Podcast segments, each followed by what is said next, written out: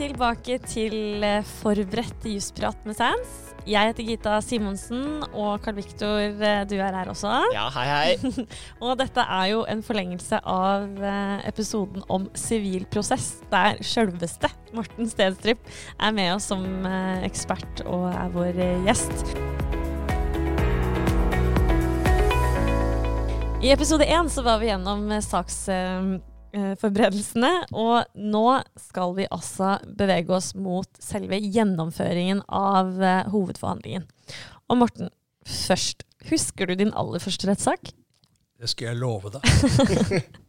det var eh, det er ganske nøyaktig 40 år siden. Jeg var advokatfullmektig i Larvik. Og jeg hadde fått en sak. Det var straffesak. Det var en kar som var tatt i promillekjøring. Og jeg skulle forsvare han. Og han sa til meg Ja, men du vet at jeg fikk motorstopp. Og så hadde jeg en kasse pils eh, i bagasjerommet. Så jeg hadde ikke drukket da jeg kjørte. Men den drakk jeg da jeg satt og ventet på at det skulle komme noen og reparere bilen. Ja. Eh, og det prosederte jeg med liv og lyst på. Og jeg syns det var fantastisk. Og da jeg hadde vært i den første saken, så hadde jeg i hvert fall bestemt meg for én ting. At jeg skulle bli strafferettsadvokat. Det, jeg skulle akkurat da vente til jeg skulle på Stortinget, for jeg sto på sikker plass til Stortinget i 1981. Og når jeg da var ferdig på Stortinget, så skulle jeg bli strafferettsadvokat. Så tapte klienten ble dømt. Jeg skjønte ikke noe. Eh, for jeg syns jo at eh, argumentasjonen var så god. Eh, men det har ikke blitt så veldig mange straffesaker senere, men det har blitt fryktelig mange sivile saker. Eh, når det gjelder straff, så, så, har det vært noen få. Men jeg har vært i Høyesterett med folk som prøvde å grave hull inn i Norges Bank. På den gangen eh, Norges Bank eh, da hadde penger til stede i Norges Bank, så de hadde skulle lage tunnel under og inn. Eh, og vi, jeg forsvarte en av dem i i Høyesterett. Var det, det Egon Olsen og, og, gjengen som var på ferde? Nei, jeg vet ikke om de var modell. Nei, ja. Kan høres litt sånn ut, men, men uh, veldig mye gøy. Jeg var jo da bare jurist, eh, jeg var advokatformektig, men, men jeg må si at det tente meg i forhold til det å være prosedyreadvokat. Eh, og da er vi jo til Det vi nå skal snakke om, det er jo da gjennomføring av hovedforhandlingen. For nå har vi snakket om vi tar ut søksmål. Vi har snakket om alle forberedelsene. Og det ligger enorme forberedelser bak eh, for at du skal stå der.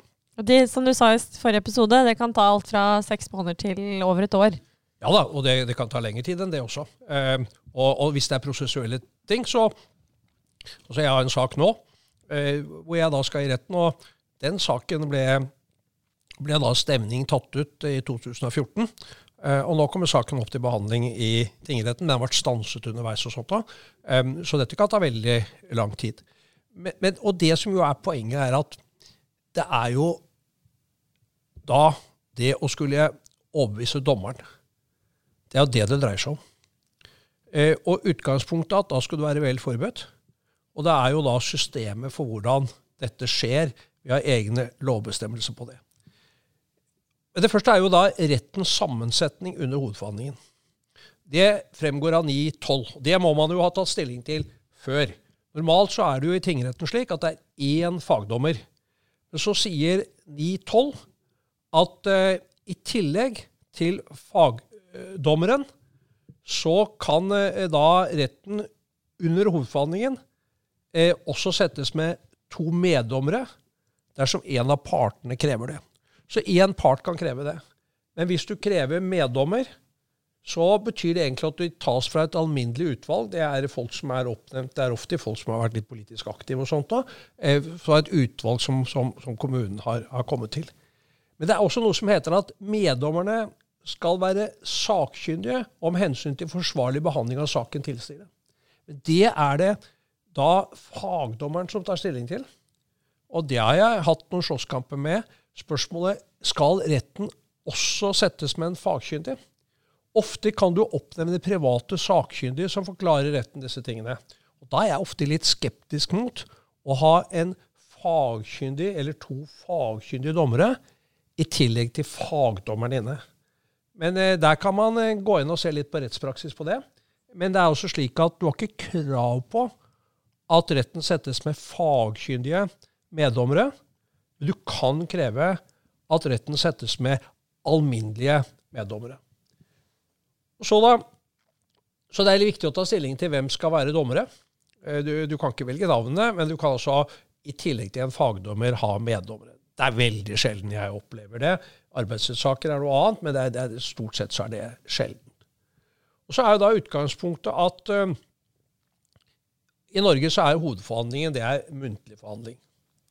Det betyr altså at uh, når du kommer i en sak, så, og dette er regulert i 9.15, og da er det slik at uh, dommeren skal da ved starten av saken, altså første dag om morgenen når vi starter, så bruker han noen minutter på å redegjøre for hva som er tvistepunktene i saken.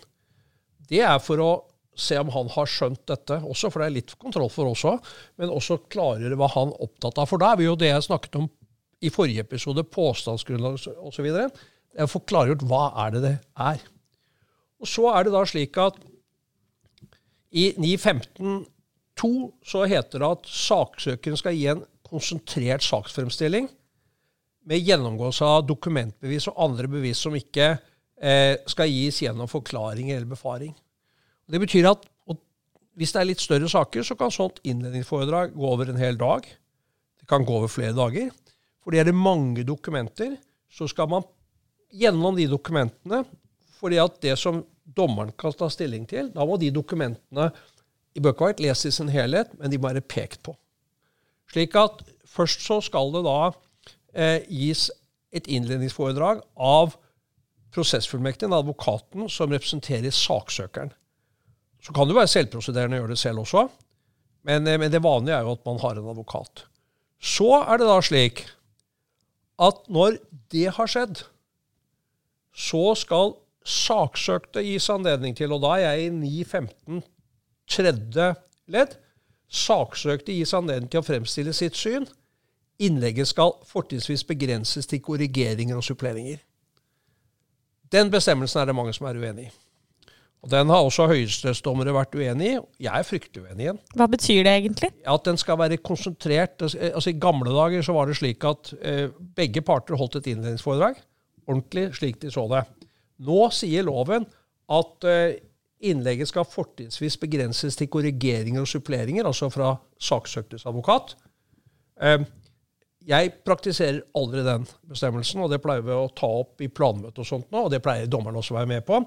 Utgangspunktet at begge parter skal ha muligheten til å holde sitt innledningsforedrag og få frem saken på en ordentlig måte fra sin side. For det er jo slik at eh, dokumenter kan forstås på forskjellige måter, og det er viktig at det presenteres sånn sett. Så Man skal gå gjennom og dokumentere dokumentene, og så skal man altså i tillegg peke på det er viktig så retten skjønner det. Men, men der kan jo studentene være klar over at det står det der. Mm. Men, men, men, vi er liksom enstemmig enige om at uh, den tar vi ikke helt på ordet. Uh, der skal det være slik at uh, også saksøkte får muligheten å fremstille saken. Og det mener jeg, selv om jeg er saksøker, så er jeg alltid opptatt av at saksøkte får den muligheten. Og da er også situasjonen slik at det tar man opp i planmøtet. For planmøtet må man da eh, fortelle det er jo under saksforberedelsen, hvor lang tid man skal ha for, til de forskjellige tingene. Og Så er det da Så skal partene avgi forklaring. Det det, og det, det, er ganske viktig. Men, men, men partene skal uh, forklare.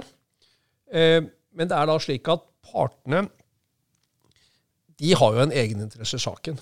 Så det er klart at det partene sier, vil en dommer ofte legge litt mindre vekt på. Og Så er det da vitner avhøres. Og da tilbyr man vitner. De får ikke lov til å komme inn før eh, de blir kalt inn. De kan, når de har gitt sitt vitnemål, så kan de sitte bak og høre på senere. Men de skal ikke være påvirket på forhånd. Og Utgangspunktet da er at eh, vitner avhøres. Men det er jo da slik at hvis saken er veldig gammel, så er det jo grenser for hva man husker. Og Derfor har vi mange rettsavgjørelser fra Høyesterett som fastslår at tidsnære bevis eh, skal tillegges større vekt, og dokumenter og tidsnære bevis, nedtegnelse før konflikten oppstår. For det er jo ofte slik at når tvisten oppstår, så begynner partene å tilpasse litt eh, sine egne interesser. Men det som finnes før, det er da slik at eh, eh de er mye mer verdt, og derfor vil ofte dokumenter være verdt en del mer. Så må man passe på da, å være grundig med vitner. Jeg husker en sak den ble tapt på et, at et vitne husket feil. Og, og, og, og, fortalte om hva han hadde opplevd, men det var bare det at det var ikke det året. Men retten la til grunn vedkommendes vitnes forklaring, og så ble det feil. Og så er det da slik at av og til så vil du ha sakkyndige. Ofte lages det sakkyndige rapporter. det er da eh, f.eks. hvis det er økonomiske tap, så har du økonomer som er inne og beregner tapet lager de ofte en sakkyndig rapport som er lagt frem på forhånd, men de kommer og forklarer seg om det. Og når man da har hatt innledningsforedraget, begge parter har fått ha det, partene har forklart seg, og eh, vitner har forklart seg, da kommer vi til det som eh, i tvistelovens 9.15 nummer 7 er partene for ordet to ganger hver til avsluttende innlegg. Det kaller vi prosedyre. Og Det betyr at da skal starte saksøkerens advokat. Da tar saksøkerens advokat og holder et prosedyre som kan være på ja, det, Hvis det er en liten sak, så er det kort. Er det en stor sak, så kan det være en dag. Det kan være mer. Og da skal, de, da skal den advokaten oppsummere det som er kommet frem i saken, i forhold til påstandsgrunnlagene. ikke sant? Derfor er det så viktig i forhold til det som jo skal utløse en rett, en plikt eh, osv. Altså enten fordi det er et fullbyrdelsessøksmål eller det er et fastsettelsessøksmål. Da må, da må advokaten på vegne av saksøker fortelle retten hvilket faktum som mener er bevist og skal legges til grunn, og hvilke rettsregler som kommer da. Og Da har man ofte laget et juridisk utdrag. Så da eh, legger man frem for dommeren en samling av lover, eh, litteratur, rettsavgjørelser, som man viser til, som man overfor dommeren eh, da sier at dette er det faktiske som er kommet frem, som vi mener skal legges til grunn. Og det er disse rettsreglene som skal anvendes. Og så, når da saksøkers advokat har fått lov til å gjøre det, så er det, sak, det er altså saksøkers advokat har gjort det, så er det saksøktes advokat. Da gjør han det. Og Da får jo retten ofte to helt forskjellige historier. Mm. Eh, og igjen, juss er ikke noen eksakt vitenskap. Og de sakene som jo kommer på spissen, og som ofte kommer i retten, er jo fordi at de er ikke opplagte. Og det er jo da slik at Da er jeg litt tilbake til at her kan forskjellige dommere Jeg har mange ganger tenkt på liksom, hvis jeg hadde hatt ti dommere som satt i bur eh, hver for ikke fikk høre hverandre, ikke sant, og som fulgte deg, ville de ha dømt likt? Og det tror jeg ikke. Jeg tror de ville lagt vekt på forskjellige ting. Basert på sin livserfaring, sine verdier osv. Og så ville de ha gjort Vi har jo en juridisk metode, men jeg tror dommere ville sett annerledes. Jeg tror livserfaringen er viktig. Mm. Jeg tror altså en dommer som på en måte har masse erfaring fra det private næringsliv, vi skjønner hvordan det private næringslivet er. Mye mer enn en dommer som alltid har jobbet i det offentlige. Som kanskje ikke skjønner og vil tolke ting forskjellig. Men så skal da dommeren Vi er jo ikke roboter. Nei. nei, nei, nei. Og jeg skal si deg, i USA, Artificial Intelligence, der, der, der har du også rådgivning, der har du også eh, rådgivningsfirmaer som når du får en eller annen dommer som sitter på svære databaser og kan gå inn og gjøre en analyse av hva saken går på, og i forhold til da hvordan har den dommeren dømt i tidligere saker. Så de kan si at det er din sak. Og så har de alle dommene på den dommeren. Og så kan de komme ut en profil på dommeren. og så kan de si at Hvis du har den dommeren, så har du så og så stor sjanse til å vinne. Eller så og så stor sjanse til å tape. Mm. Basert på tidligere avgjørelser. Eh, så avanserte er vel ikke vi blitt enda, men vi prøver så godt vi kan for å prøve å forstå på dommere. Ikke minst er dette viktig i voldgift, for der skal vi jo foreslå dommere. Det er viktig også å skjønne hvilke type preferanser og hvordan de ser på jussen, for det er forskjellig. Dette kan bli helt avgjørende for det resultatet du kommer ut med når du står der. Men det er da altså Det er da gjennomføringen av saken. Og så er det jo noe som er veldig viktig, da. Det er at helt til slutt, når saken kommer, så skal du legge frem sakskostnadsoppgave. Og det er jo slik at eh, i en del sammenhenger så koster det mye penger å bruke advokater. Og man har jo liksom sagt at man skal prøve å holde advokatkostnadene nede. Nå er den loven vi har i dag, den er ikke det beste virkemiddelet for det. Eh, fordi er, loven er, stiller mange krav, som betyr at det er mye arbeid. Men, men det som man må være klar over da, det er at kapittel 20 i tvisteloven det regulerer spørsmålet om sakskostnader. Og da er det slik at 20.1 den sier at virkeområdet er altså det krav på erstatning man har for sakskostnader i rettssaker. Det er noe helt annet enn normal erstatning i erstatningssaker. Det er hva man kan ha her. Det må man være klar over. Og utgangspunktet da er at eh, 25 tredje ledd, det er utmåling av erstatning for sakskostnader.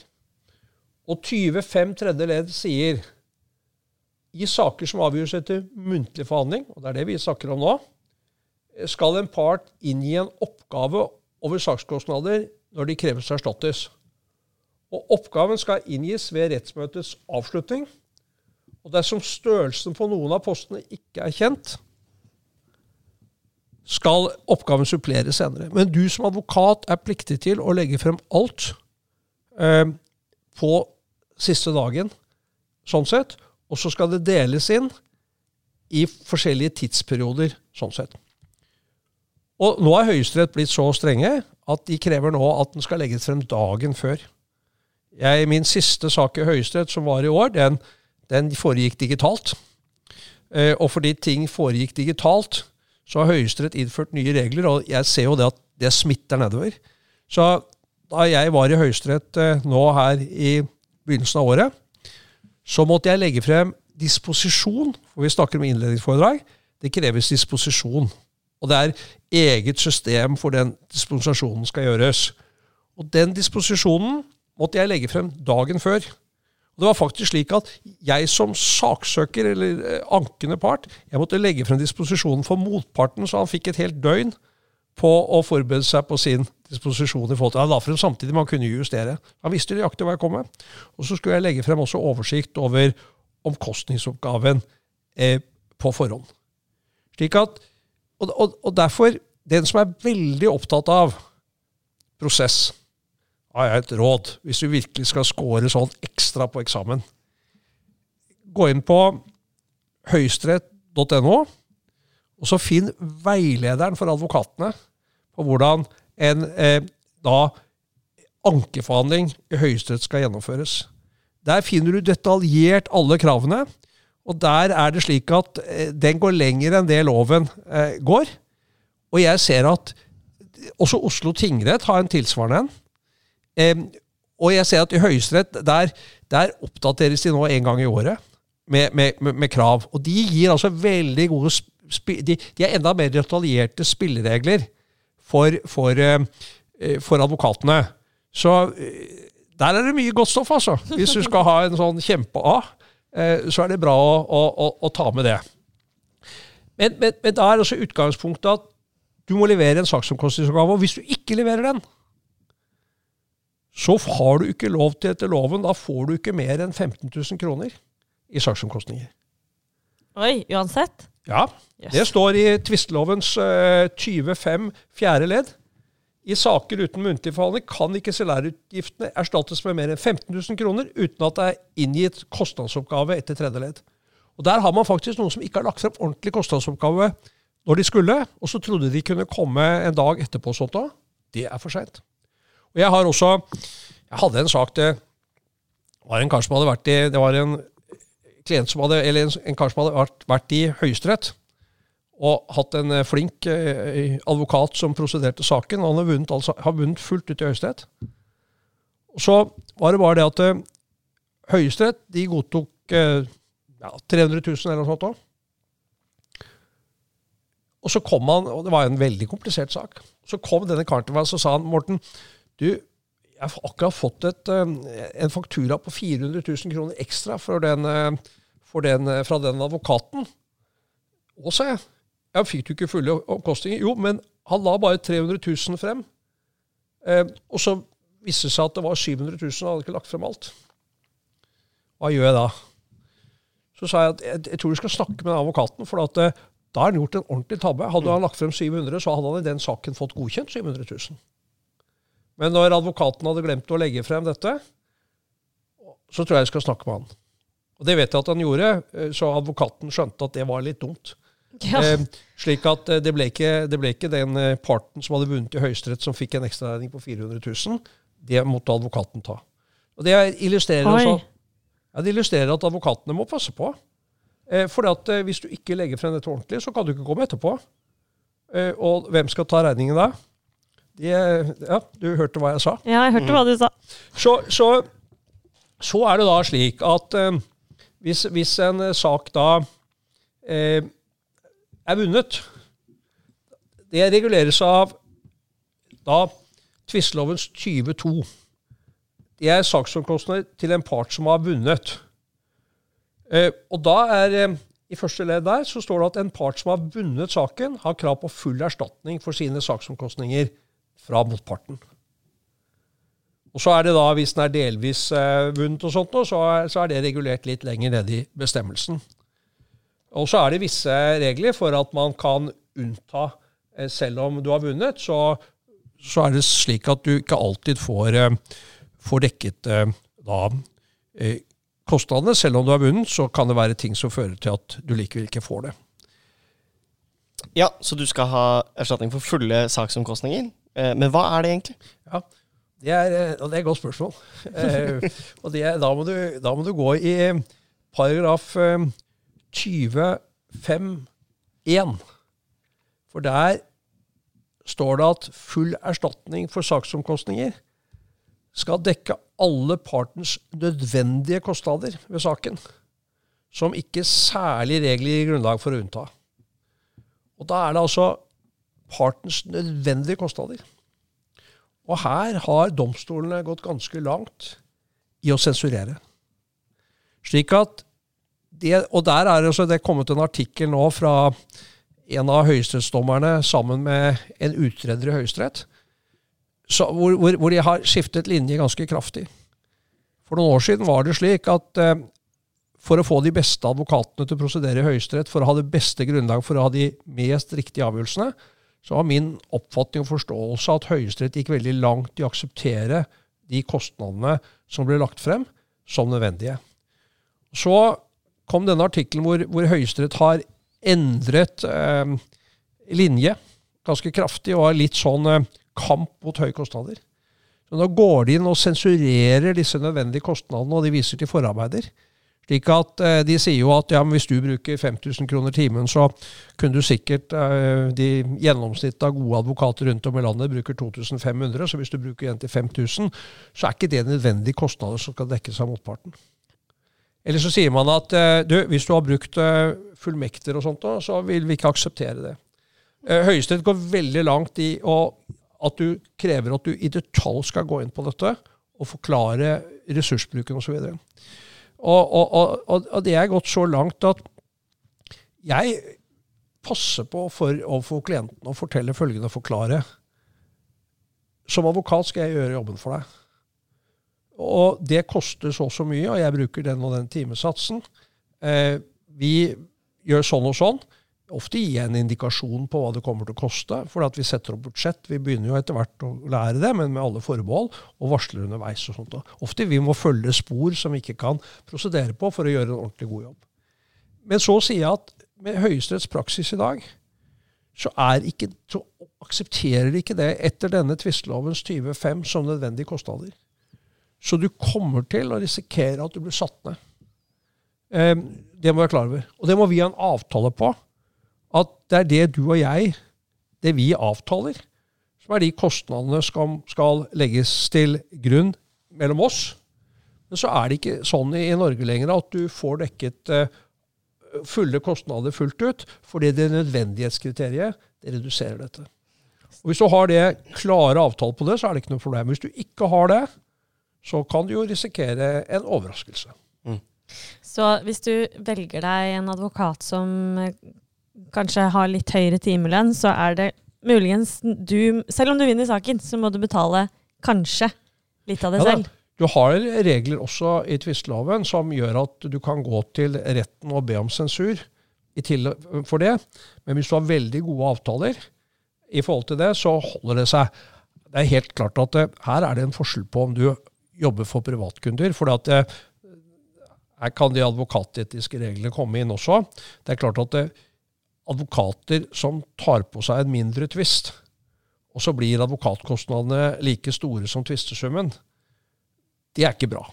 Mm. Da må du i hvert fall være sikker på at uh, klienten har skjønt det. Og så må du være helt sikker på at klienten har evnen til det. For du vil jo ha en del sammenhenger hvor, hvor tvistesummen er liten, men prinsipielle spørsmålene er store. Men det må være avklart.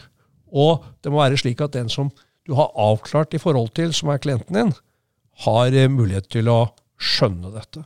Mm.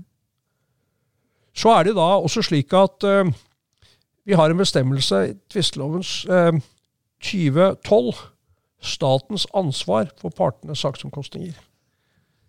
Jeg er i en sak nå hvor den kommer til å komme til anvendelse. Og faktisk litt utenfor det den er, for det har Domstoladministrasjonen via eh, leder i lagmannsretten, som er aktuell her, fått sjekket ut. Det har seg følgende Jeg var i en sak i lagmannsretten. Jo, urbant jordskifte. Den saken var først i tingretten, eller første runde av jordskiften, så i lagmannsretten, og så gikk den til Høyesterett. Og så opphevet Høyesterett avgjørelsen i lagmannsretten. Og Det betyr at vi måtte tilbake til lagmannsretten. Det er fjerde gang. Og eh, så var det slik at eh, vi var da tre dager i retten i mars i fjor. Akkurat akkurat ute av rettssalen 12. mars. Flaks. det var den dagen Norge ble stengt ned. Men det skjedde først litt utpå ettermiddagen, når vi var akkurat kommet hjem. Så ventet vi på dommen. Og dessverre så fikk eh, jordskiftedommeren, lagjordskiftedommeren, ble syk, slik at han ikke kunne fullføre og skrive dommen. Da var loven slik at Det var tre dommere, men loven var slik at når han ikke kunne skrive dommen, så kunne han ikke avgi noe dom. Nei. Og da og det gjøres slik at saken må reassumeres. Den må tas på nytt. Og da sa staten, med henvisning til 2012 og den praksis de har da, de kostnadene som løper på etterpå Vi må søke om det i ettertid, men det er det vi skjønner at vi kan få. De kostnadene som kommer for at vi skal gjøre det, vi skal stille opp i retten en gang til, og så skal vi gjenta dette, de kostnadene skyldes jo at dommeren er blitt syk og kan ikke klandres da partene. og Der går staten inn og dekker det. Så vi var da så heldige at vi da skulle ha saken 1.12. Og dagen før så ringte en fortvilet lagdommer og fortalte at uh, motparten hadde fått korona, Nei. så saken måtte utsettes. Og Derfor ble den utsatt til uh, mars i år. Og vi måtte forberede oss for da tredje gang. Og siden dette er nede i Agder lagmannsrett i Tønsberg, og dager før så fikk vi beskjed at da er Tønsberg stengt ned. Jeg hadde lyst til å møte i retten og ville ta sjansen på det, men det var ikke andre som ville, og det kunne man ikke. Så da ble saken utsatt igjen. For Så- en runddans. Så nå skal den opp for fjerde gang. Så i koronatider er det litt uh, mer utfordrende. Og, og da er det i så fall staten da som må sitte igjen med regninga i disse tilfellene Ja. her. Det, det er det. Så får vi se om staten er villig til å da dekke de faktiske kostnadene ut fra hva klientene lider av tap, for det må man gjøre dette, eller om det blir en diskusjon igjen om nødvendige kostnader i forhold til det. Men her mener jeg at uh, her er vi ikke på nødvendige kostnader, her er vi på normal erstatning Mm. i forhold til det det påfører klienten. Så, så så det var uh, ganske mye om saksomkostninger, og saksomkostninger er blitt et svært tema. Uh, fordi det er store penger involvert, det er store kostnader, og fordi retten i veldig stor grad, alle domstoler nå på en måte driver en veldig sensur av dette, så dette må man gå nøye inn på. Men når man da har levert saksomkostningsoppgaven, så er det det siste man gjør før saken tas opp til doms. Mm. Og da er situasjonen den at da har vi jo da ulike typer rettsavgjørelser. Det finner vi regulert i tvistelovens 1901, eh, hvor det skilles mellom dommer, kjennelser og beslutninger.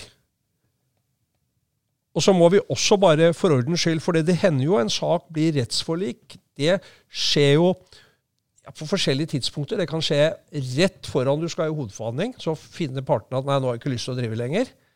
Og så inngår man et rettsforlik. Det er altså regulert i 1911. Det skjer underveis. Um, det er ikke så lenge siden jeg hadde en sak hvor det skjedde underveis under saken, når, når partene begynte å bli litt mykere. Og jeg har vært med på at det skjer etter at saken er tatt opp til doms. Og et rettsforlik, eh, virkningen av det, det er som en dom. Og det er regulert i 1912. Og så kommer da, etter en stund, da Det er vel eh, fire uker som normalt som man skal avgi eh, Komme med dommen innen. Der er domstolene litt varierende. Og så kommer, eh, så kommer da eh, dommen. Dun, dun, dun. Ja, det er, det, det, det er, eh, det er alltid stor spenning til når du får den eh, og skal åpne den. Eh, Så er det spennende. For det er klart man har lagt med masse arbeid. Det, det, man har veldig omsorg for klienten. Og man kan aldri være sikker på hva som blir resultatet. Og som regel så vil det alltid være én vinner eller én taper. Mens rettsforlik gjør at man kan skreddersy i større utstrekning. Rettsforlik gir også at man kan bringe inn ting i saken som ikke dommeren kan ta stilling til, for man har mer å spille på. Mens dommeren skal avse innenfor rammen av de påstandsgrunnlagene man har hatt. Og da er det da slik at man da får dommen. Eh, og det skal man jo da Det tar tid å fordøye. Eh, hvis man har vunnet frem på vegne av sin klient, så er det jo stor glede.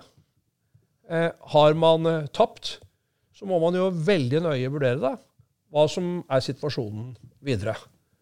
Og da har vi jo egne regler i kapittel 29 i tvisteloven for anke til lagmannsretten.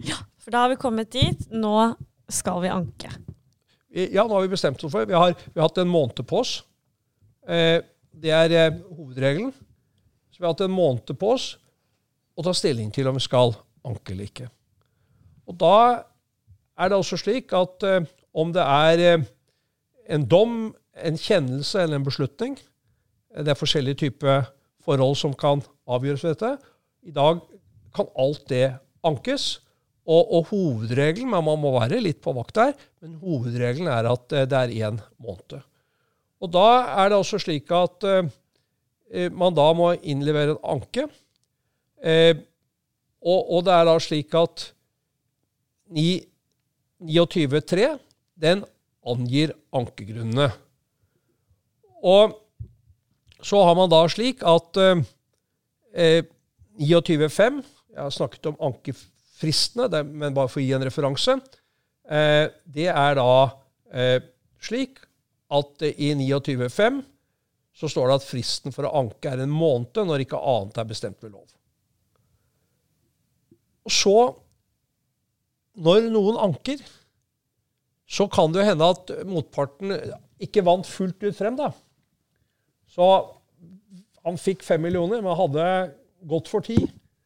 Og når han da bare fikk fem, så tenker han at han egentlig fant ut at jeg, jeg kan leve med det resultatet. Men når motparten anket, så kan du innlevere noe som heter en avledet anke. Følger av 29.7. Og da er det slik at uh, du kan da si at ja, men jeg kom med en avledet anke, slik at jeg ønsker at retten skal ta stilling til at kravet totalt sett er på 10 millioner, ikke bare de fem millionene som jeg fikk. Hvis jeg ikke kom med en avledet anke om det, så er grensen nå blitt 5, osv. Ja, for da, da, utvider du rommet over hva eh, ankedomstolen skal ta eh, stilling til, Nettopp. rett og slett. Ja. ja. Slik at og, og, og, og, da er det slik at eh, 29.9 den, den, regulerer hva som skal være i ankeerklæringen. Det er tilsvarende som jeg var igjennom når det gjaldt eh, hva som skal være en stemning. Eh, I stor grad er det det samme eh, som er i 29.9, men nå skal du på en måte konsentrere deg om dommen og det du skal angripe der, eh, og, og, gå videre med. At, og da er det slik at man da får en ny behandling. Og, og, det er da ofte slik at eller det er veldig mange av de reglene som da gjelder for hovedforhandling, de gjelder tilsvarende for, for ankeforhandlingen. Det er, du starter med innledningsforedrag. Det er den som anker, som har det først. Eh, motpartene har sitt uh, svar. Det er partsforklaringer, det er vitneforklaringer, og det er én prosedyre. Så det er de samme tingene en gang til, sånn sett. Og for mange altså det er for veldig mange viktig å få prøvet saken en annen gang. Det er, det er, altså, det er ikke slik at saksavgjørelsen i førsteinstans nødvendigvis alltid er riktig. Det viser jo erfaringen at den ikke er. Og, og, der er det nå en diskusjon, for det er et lovarbeid på gang nå. Jeg så at Høyesterett har vært veldig kritisk, for det har vært et spørsmål. Skal man i ankeomgangen kunne bringe nye bevis og sånt nå, som ikke har vært før, eller skal det låse i første instans? Og jeg må si at jeg er helt sjokka hvis lovgiver, hvis regjeringen har tenkt å fremme et forslag som betyr at du ikke skal komme nye ting i ankeomgangen. Det har Høyesterett sagt klart ifra om. Det ville være en, en, skandale, basert på mine 40 år, hvis det skulle det vært et så sterkt inngrep i rettssikkerheten at jeg, jeg satser alt på at uh, et storting ikke vil vedta det. i effektivitetens navn. For da vil man også, Hvis man viser seg at det finnes dokumenter og sånt, noe som man ikke hadde oversikt over, hvis ikke de skal kunne komme frem i annen omgang Det er grunnleggende eh, eh, angrep på, på rettssikkerheten. Mm. Og så kommer det da en dom i, i da eh, Så kommer det en dom i lagmannsretten. For da, nå, det finnes noen regler om at du kan nekte saken behandlet i lagmannsretten. og sånt. Det er veldig sjelden skjer, eh, så jeg, jeg, jeg, jeg dropper det. Det har kommet en dom til, eh, i lagmannsretten, og du har eh, Din klient har tapt. Da spørs på hva gjør du da. Jeg, jeg må si det at jeg har av og til til klienter sagt følgende. Men det er fordi de har ressurser til deg. Så jeg har sagt at vet du hva, jeg tror at du har en god sak. Men vet du hva? Jeg tror du må til Høyesterett for å vinne. Jeg tror ikke vi vinner i tingretten. Jeg tror ikke vi vinner lagmannsretten. Men hvis vi klarer å få den inn for Høyesterett, så tror jeg vi vinner. Hvorfor sier jeg det? Jo, hvis saken i sin karakter er så utfordrende, så tror jeg ikke Og det ikke finnes noen avgjørelse på dette feltet fra før av, så tror jeg ikke tingretten tør mm. på en måte Ta det skrittet der. Ikke sant? Mm. Og så tror jeg ikke lagmannsretten heller. Men i Høyesterett. Jeg hadde en sak for noen år siden Og jeg akkurat sa det til klienten. Og i den saken så tapte vi for tingretten. Det er kjipt. Altså, vi som advokater vi er veldig engasjert. Ja, det er i hvert fall en som deg, Morten. ja, eh, Og vi tapte flagmasset. Men jeg hadde jo forberedt klienten på at vi kunne gjøre det. Mm. Og så skal du anke til Høyesterett. Det å anke til Høyesterett, det er et eget fag. Det er noe helt annet, og det skyldes at reglene er helt annerledes. Det skyldes at vi har en bestemmelse som, heter, som er i tvistelovens 30-4. Det er samtykke til fremma anke over dommer. Og der heter det i 30-4-1 anke over dommer kan ikke fremmes uten samtykke. Så det er altså slik at for at du skal få en sak inn for Høyesterett, du må anke, og så må du begrunne veldig skikkelig for Høyesterett hvorfor du mener at den saken skal slippe inn. For det sies i fortsatt i 34 første ledd samtykke skal bare gis når anken gjelder spørsmål som har betydning utenfor den foreliggende sak. Det betyr at saken skal bare slippe inn for Høyesterett når den er av prinsipiell betydning, når Høyesterett driver rettsavklaring eller rettsutvikling. Og Derfor må saken være en slik art at den er prinsipiell og egnet til å drive rettsavklaring. Det er det Høyesterett. Og det er, da jeg startet i Høyesterett første gang var i 93, da var det mer sånn at det var en, nok en ankedomstol på toppen av lagmannsretten. De slapp inn saker.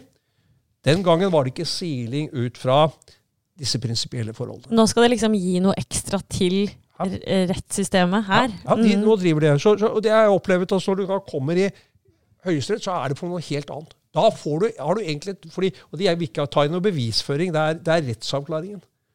Det har et tillegg som sier eh, i 34.1, som sier i tillegg eller det er andre grunner er særlig viktig for saken avgjort i Høyesterett. Så der ligger det en mulighet der. Mm. Men, men, på dette med rettsavklaring Når du da slipper inn den saken, du kommer i Høyesterett da, så blir saken helt annerledes. Jeg vil si Det ofte det er et frosset faktum i stor grad. Du må av og til også anke opp bevisvurderingen for å få det inn, men du må passe på at det ikke er for mye, for Høyesterett vil ikke drive sånn.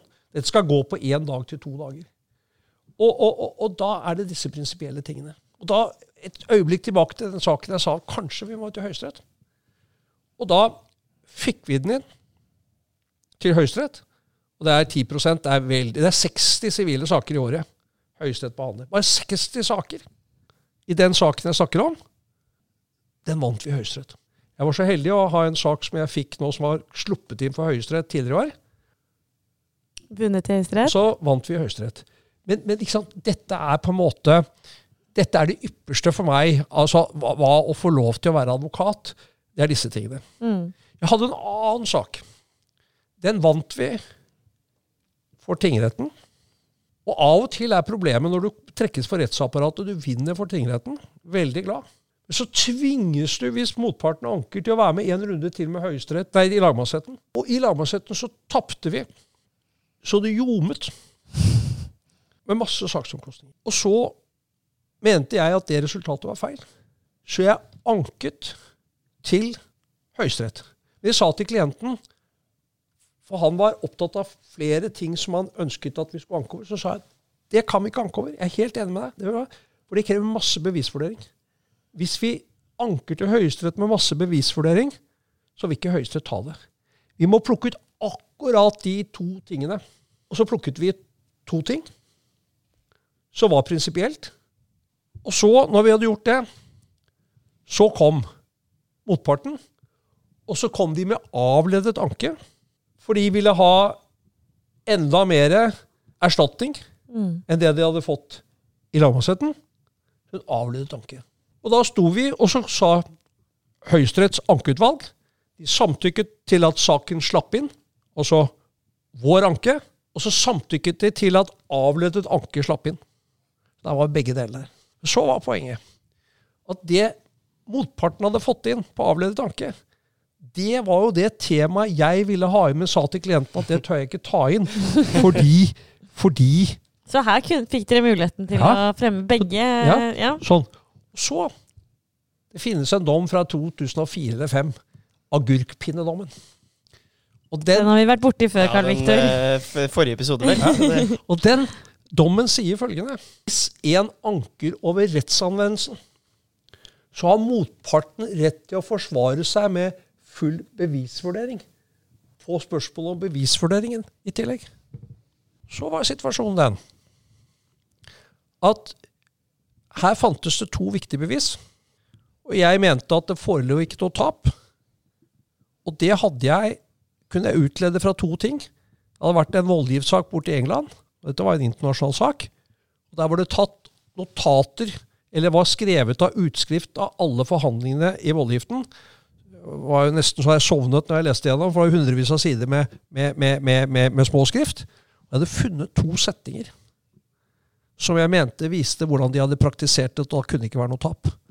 Og Så hadde vi i lagmannsretten tatt lydopptak, og en utlending hadde forklart seg på den. Og han hadde også bekreftet den måten å gjøre det på som betød at det ikke kunne være noe tap. Det var ikke mulig når lagmannsretten satt og hørte på dette. var en som forklarte seg på telefon fra utlandet. Det var ikke mulig å få med dette der og da. Men når jeg satt med utskriften etterpå, så hadde jeg disse detaljene. Så når jeg kom og sto i skranken og forklarte, så viste jeg til de to sitatene, og så sa jeg når du ser de sitatene, så kan det ikke være noe tap. Og så så jeg på en av dommerne, fordi at det vedkommende dommer kunne det fagfeltet. Og kunne den praksisen, så var det en fordel. Jeg så nikket. og så kom motparten og holdt sitt innledningsforedrag. Og så sa vedkommende Jeg ble nesten redd da jeg hørte på Morten Sæsted. Men det bør ikke bry seg om det, for han er jo inne på bevisføring. Og det er jo ikke det dette dreier seg om. Vi har jo rettsanvendelse, så Høyesterett kan se bort fra det.